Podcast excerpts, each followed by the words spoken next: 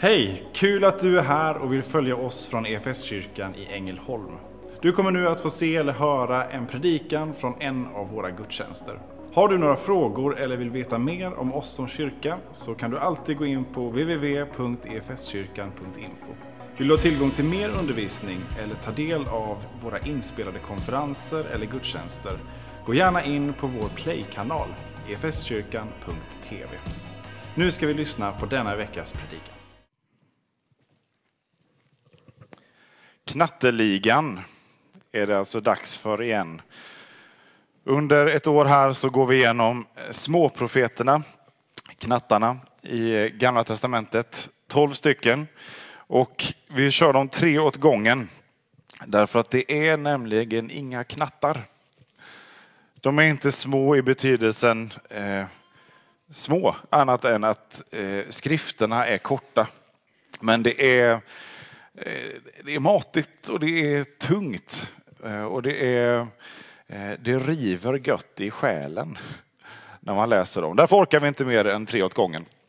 Och vi vill ju ta oss an de här därför att för att de är så korta så så försvinner de ibland i mängden. Vi läser och vi har många citat från Jesaja i Nya Testamentet och, och sådär. Jag har, ringer fortfarande det här som Joakim Lundqvist eh, i Livets Ord sa en gång när han var eh, ny generationledare. Läs småprofeterna för allt i världen. Tänk om ni blir granne med någon av dem i himlen och de frågar, ja det är jag som är Obadja, har du läst min bok? Och så kände jag då idag, eh, när man har läst Obadja eh, och så ska man eh, tala utifrån det här och, och förstå det här och känna att man ger boken rättvisa. Vågar man bo granne med honom då? Obadja, den bok jag oftast bläddrar förbi i Gamla Testamentet. Inte för att den är ointressant, men för att den är så otroligt kort. Så att man letar efter den och så bläddrar man fram och tillbaka, men den finns ingenstans där. Men den finns där på ett uppslag. Eh, och vi ska idag ta oss an den och vi ska faktiskt för, jag vet inte, kanske första gången här i Festkyrkan läsa en hel bibelbok i predikan. Klarar ni det? Ja, det är bra. Så Obadja, han är en av de här profeterna som eh, som talar till, till Israel, men en av de få också som talar inte bara, eller kanske inte ens främst till Israel, utan till ett annat folk. Ett hedna folk, ett av Israels grannfolk. Och vi vet inte så mycket om honom mer än att han, han fick en bok. Eh, och han har fått det här budskapet från Herren. Ett vanligt namn, Obadja, Herrens tjänare betyder det. Eh, och det finns flera stycken omnämnda, men eh, ingen av dem verkar vara eh, just den här. Och nu så, så får han tala till Edom, grannfolket söder, sydost om, om Israel. Och det är ett domsord, ett varningsord till dem. Eh, men det är också samtidigt ett eh, ett ord till alla nationer. Och det är ett ord också till oss.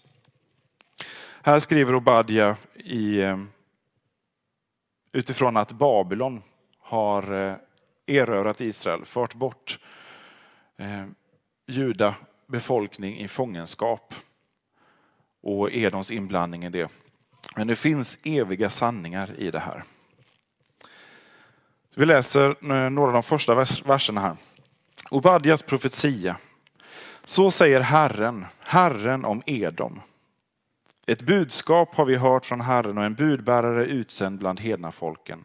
Upp, ja låt oss stå upp och strida mot det. Se, jag har gjort dig ringa bland hedna folken. Djupt föraktad är du. Ditt hjärtas övermod har bedragit dig där du sitter bland bergsklyftorna i din höga boning och säger i ditt hjärta, vem kan störta mig ner till jorden? Om du än svävade högt som örnen och mitt bland stjärnorna byggde ditt bo, så skulle jag ändå störta dig därifrån, säger Herren. Om tjuvar kommer till dig eller plundrar om natten, ja då är det ute med dig. Ska de inte stjäla till dess att de har fått nog? Om vinbergare kommer till dig, ska de då lämna kvar en efterskörd? Hur genomsökt ska inte Esau bli? Hans dolda skatter ska letas fram. Till gränsen ska de driva ut dig, alla de som stod i förbund med dig. De ska bedra dig och bli dig övermäktiga, de som du levde i fred med. De som äter ditt bröd ska lägga en snara under dig. Det finns inget förstånd hos dem.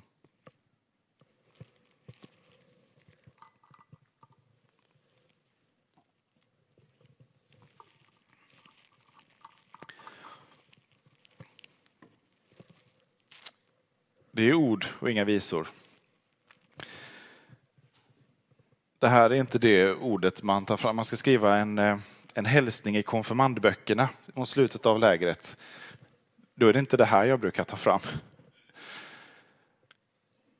Men så viktigt att vi låter de här orden tala också och gräver i dem. De finns här bevarade eh, av en anledning. Vi ska inte bara ta oss an det lättsmälta, utan vi behöver fast föda. Jag tror att det finns tre saker i Obadja bok som, som vi kan få stanna upp vid idag. Det som kommer till uttryck här i den första handlar om Edoms självbild, deras identitet.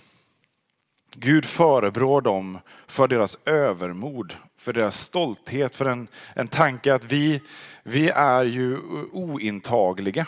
Vi är oövervinneliga. Edom var kända för sin visdom. De var kända för, det var en kultur som i jämförelse med omgivande kulturer var eh, hade god kunskap, det var teknisk eh, utveckling, de hade Ehm, de hade framgång och de hade eh, förbund och handel med omgivande eh, folk och kulturer. Ehm, och de hade eh, en, en, hög, en hög syn på sig själva. Framstående på sin kunskap. Framför allt i förhållande till, till Israel, till det judiska folket. Och det här låter Gud bli till dom över dem. De har gjort sig oberoende av Gud. De har vänt sig till andra gudar och de har föraktat det folk som har talat om den sanne guden.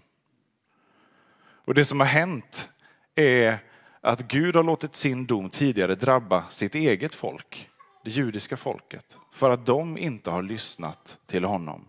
För att de har tjänat sig själva snarare än Gud. Andra profeter låter det få uttryck i hur, eh, framförallt ledarna hos det judiska folket eh, förtrycker de fattiga, eh, lägger pengar på sina egna bostäder istället för att, eh, att tjäna templet till exempel. Gång på gång så återkommer det här hur, hur maktmissbruket och narcissismen fokuset på det egna kommer upp gång på gång hos Guds eget folk. Gud låter domen drabba dem. Han låter babylonierna invadera. Han tar sitt beskydd från dem. För att väcka dem och för som varning till, till andra folk. I det här så, så har Edom inte bara stått bredvid och Eh, och sätt att undvika utan de också medverkat till. Edom stod i förbund med Babylon och gav dem fri väg in i sin invasion av Israel. Och rädda så, på så sätt sitt eget skinn, tror man. Jag vet inte vad, vad du är, men jag vet var vår kultur är idag. Vår kultur, vårt samhälle är inte så olikt Edom. Vi har en väldigt hög syn på vår kunskap, vår vishet, vår, vår utveckling som har tagit oss så långt. Är vi inte oövervinneliga? Fram tills covid-pandemin så trodde vi det i alla fall. Sen fick vi oss en knäck. Och nu så kommer sak efter sak som skakar om hela vår västvärld, hela den här fantastiska uppburna kulturen som väl skulle leva och finnas för alltid. Toppen av evolutionen, toppen av utvecklingen. Vår förträfflighet som civilisation. Var har vår barmhärtighet tagit vägen i det här? Vi förlitar oss på vår utveckling, vi förlitar oss på vår, vår ekonomi och materiella omständigheter. Var finns viljan till att tjäna och offra sig? Att hjälpa sin granne snarare än att bedra. Den korruption som fanns i Edom, jag tror inte att den var värre än vad vi ser i vårt samhälle och runt om i vår värld idag.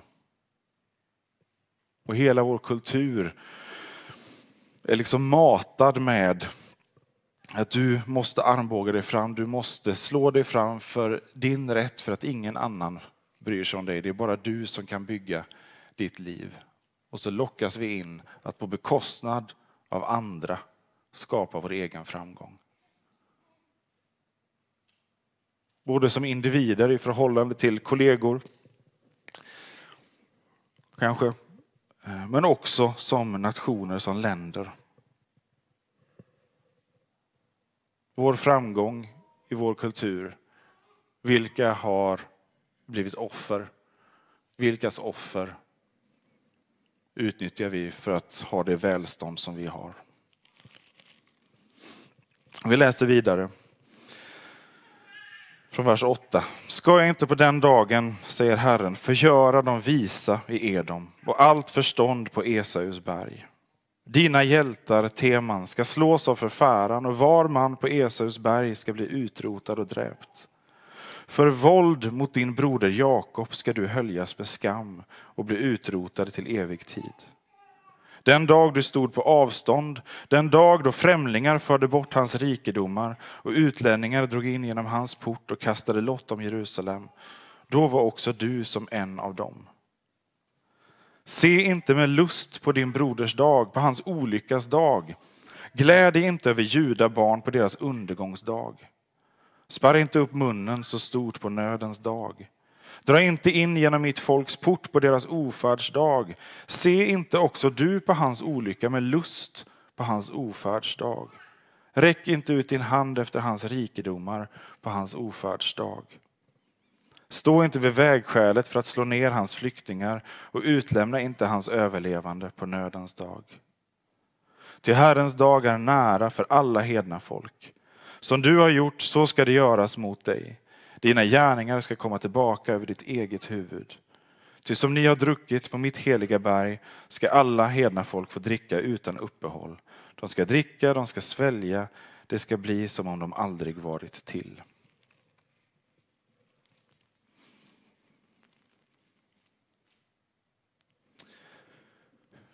Inte nog med att Edom har skaffat sig en god position i korruptionen, i att knyta banden till Babylon, den stora invasionsmakten och förrått sitt grannfolk och också sitt brodersfolk. Ni hör här att de kallas också för Esau.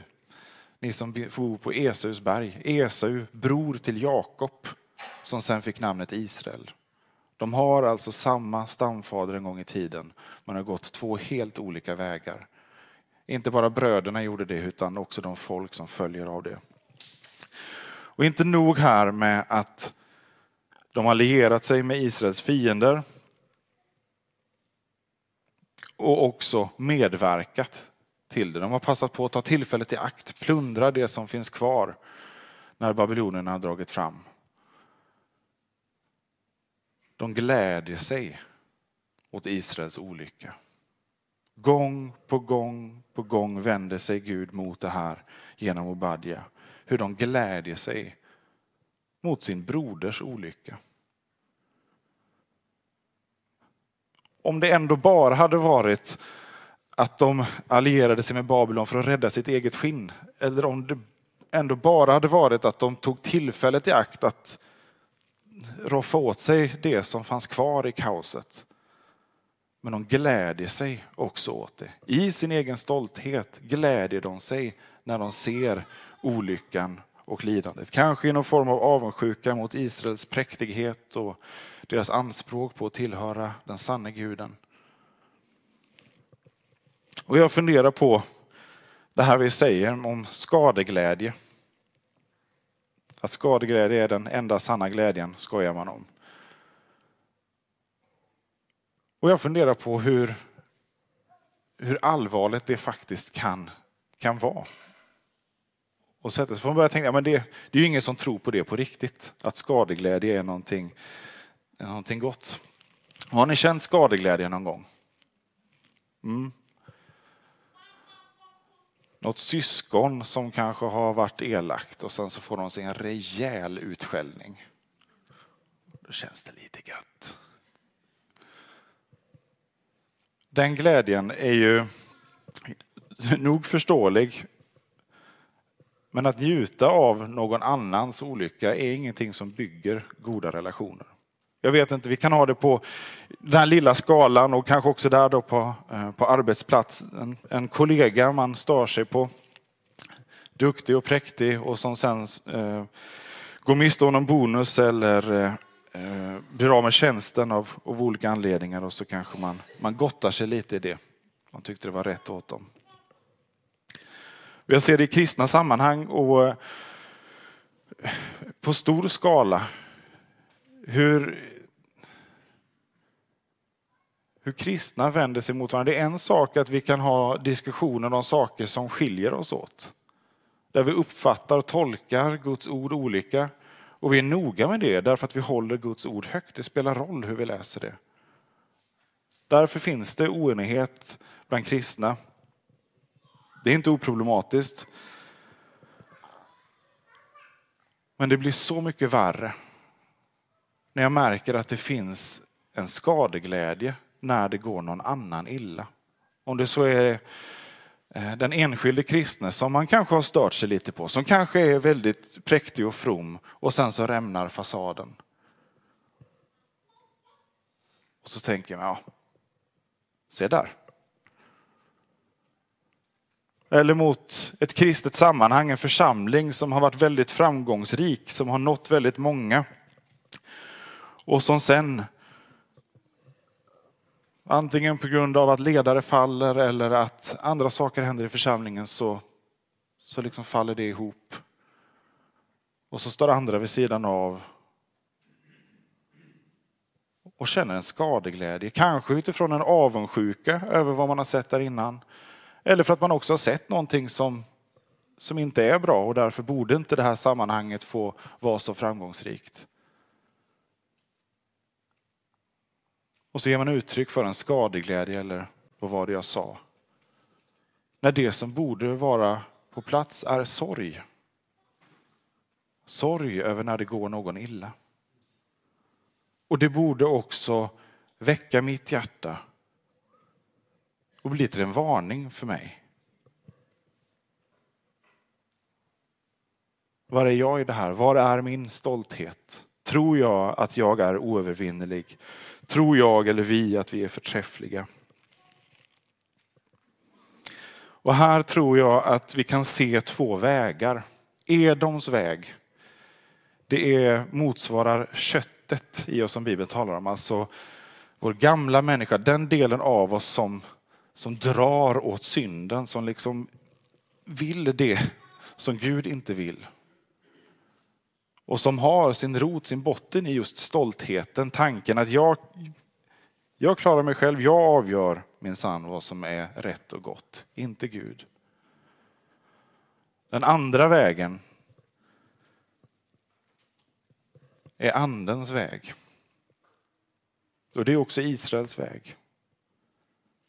Omvändelsens väg som sker därför att man ser Guds dom, ser hur Gud tar allvarligt på det som är ont och orättfärdigt och låter sig varnas och beröras av det. Så att jag ger akt på mig själv och mitt eget hjärta? Och var är jag i förhållande till den sanne guden?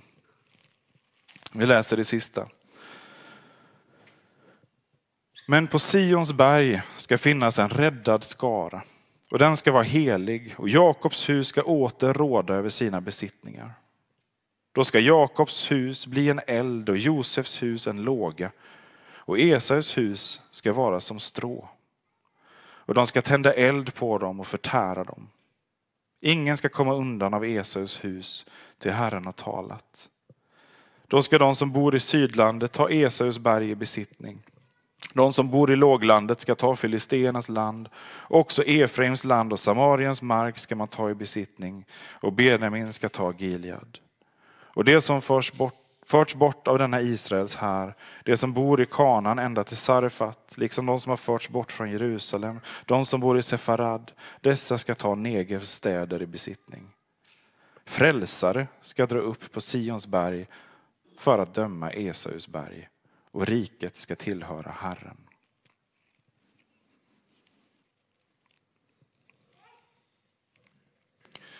När Obadja bär fram den här profetian så är det, tror jag, som de andra profetiska hälsningarna och skrifterna i Gamla Testamentet. Det finns en ganska så närtida bokstavlig uppfyllelse. Och det finns också en hälsning om ett mycket större skeende som ligger längre fram. Det som vi ser uppfyllas i Jesus och det han gör för världen bygger kyrkan sen. Eh, vi ser det hända. Tids nog så, eh, så faller också Esaus hus, Esaus berg, Edoms folk.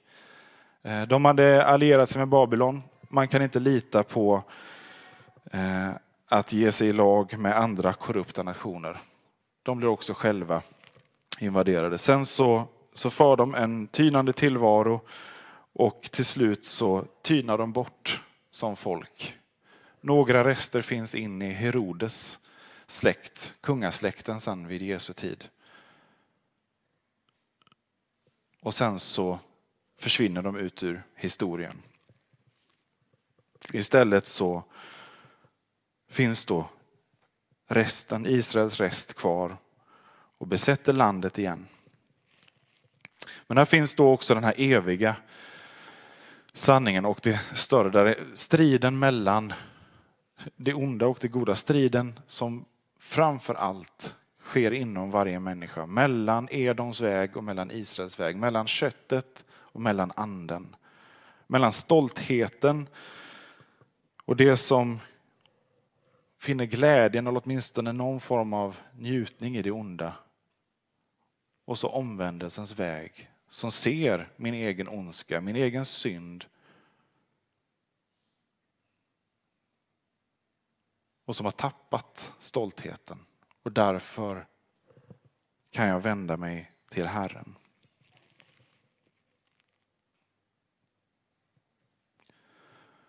Väldigt många civilisationer har försökt utrota judarna. De flesta av de civilisationerna är själva utdöda nu. Många är de regimer som har uttalat att kyrkan snart är ett minne blott och förföljt dem. Och nu är man själva ett minne blott. Vi ser det hända fortfarande och vi kommer se samma mönster där. Därför att det Gud gör, som är uppenbarat i Bibeln, det är sant och det är evigt. Den frälsare som ska dra upp på Sions berg är Jesus Kristus och där får profetian sin, sin fulla eh, uttydning, sin, sitt förkroppsligande.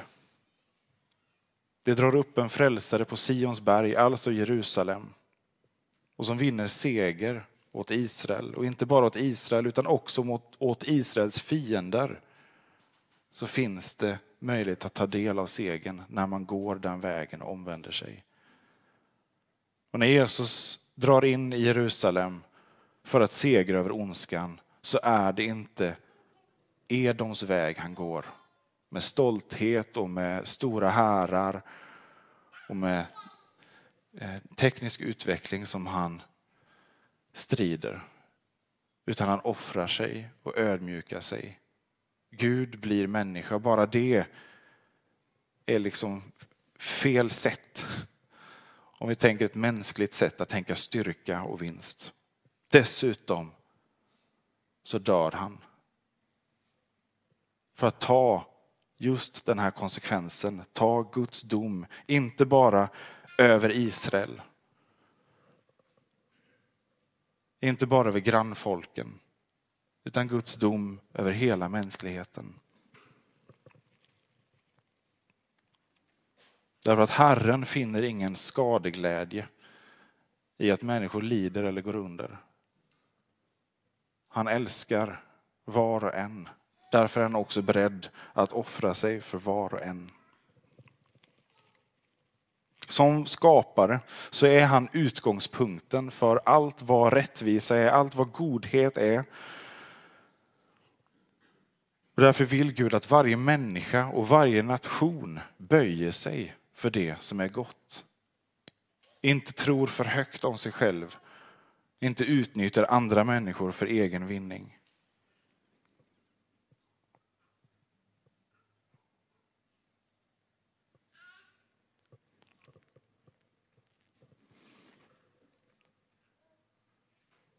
Här är frågan vilken väg vi går. Låter vi Guds ande viska till oss de sanningar om oss själva som, som kanske inte är roliga att höra? Att jag har del i världens bortvändhet från dig, Herre. Att också jag i stunder finner ganska stor skadeglädje i andras olycka. Att jag också har en ganska så envis stolthet där jag inte vill vara beroende av andra människor och inte vill vara beroende av Gud. Vad gör jag när jag konfronteras med Guds ord? Med Guds väg, med Guds värderingar och de inte stämmer med mig?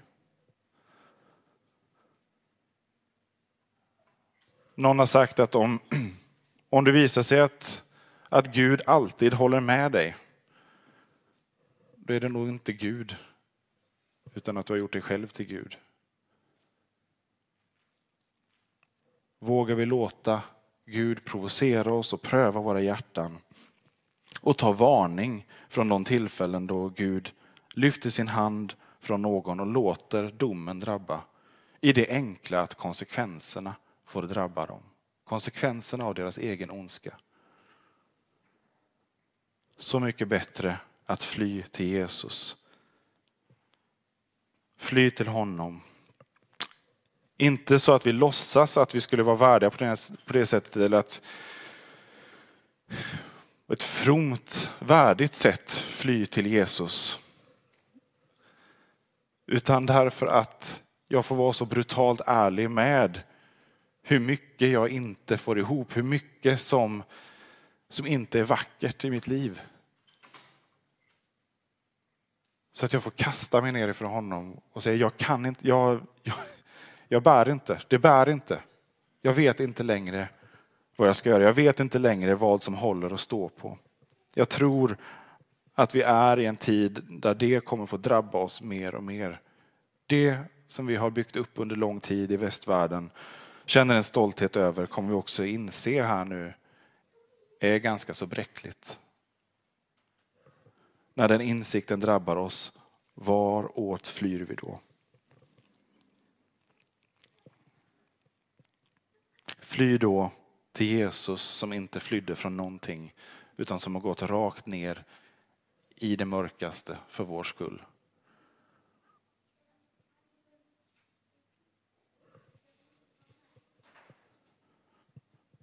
Låt oss få lämna allting till honom. Allt vad vi är, all vår oro, all vår synd, all vår skam.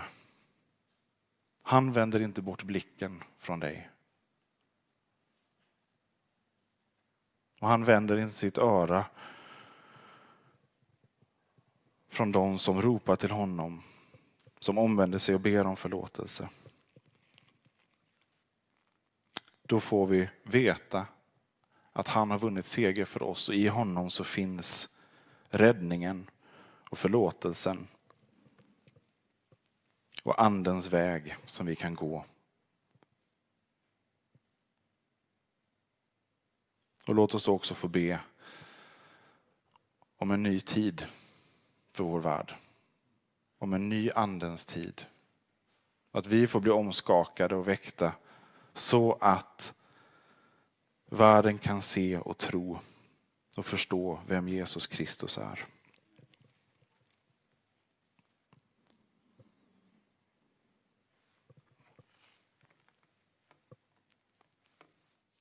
Som kyrka är det en glädje att få spela en liten roll av allt Gud gör i och genom ditt liv. Vi vill gärna fortsätta följa dig på den resan. Och vill du ta reda på vad ditt nästa steg kan vara på din resa med Gud så gå in på efskyrkan.info nästa steg. Vår längtan är att få se människor och samhällen förvandlade av Jesus. Genom en kyrka som återspeglar Guds hjärta, bär varandra och betjänar människor varhelst vi befinner oss varje dag.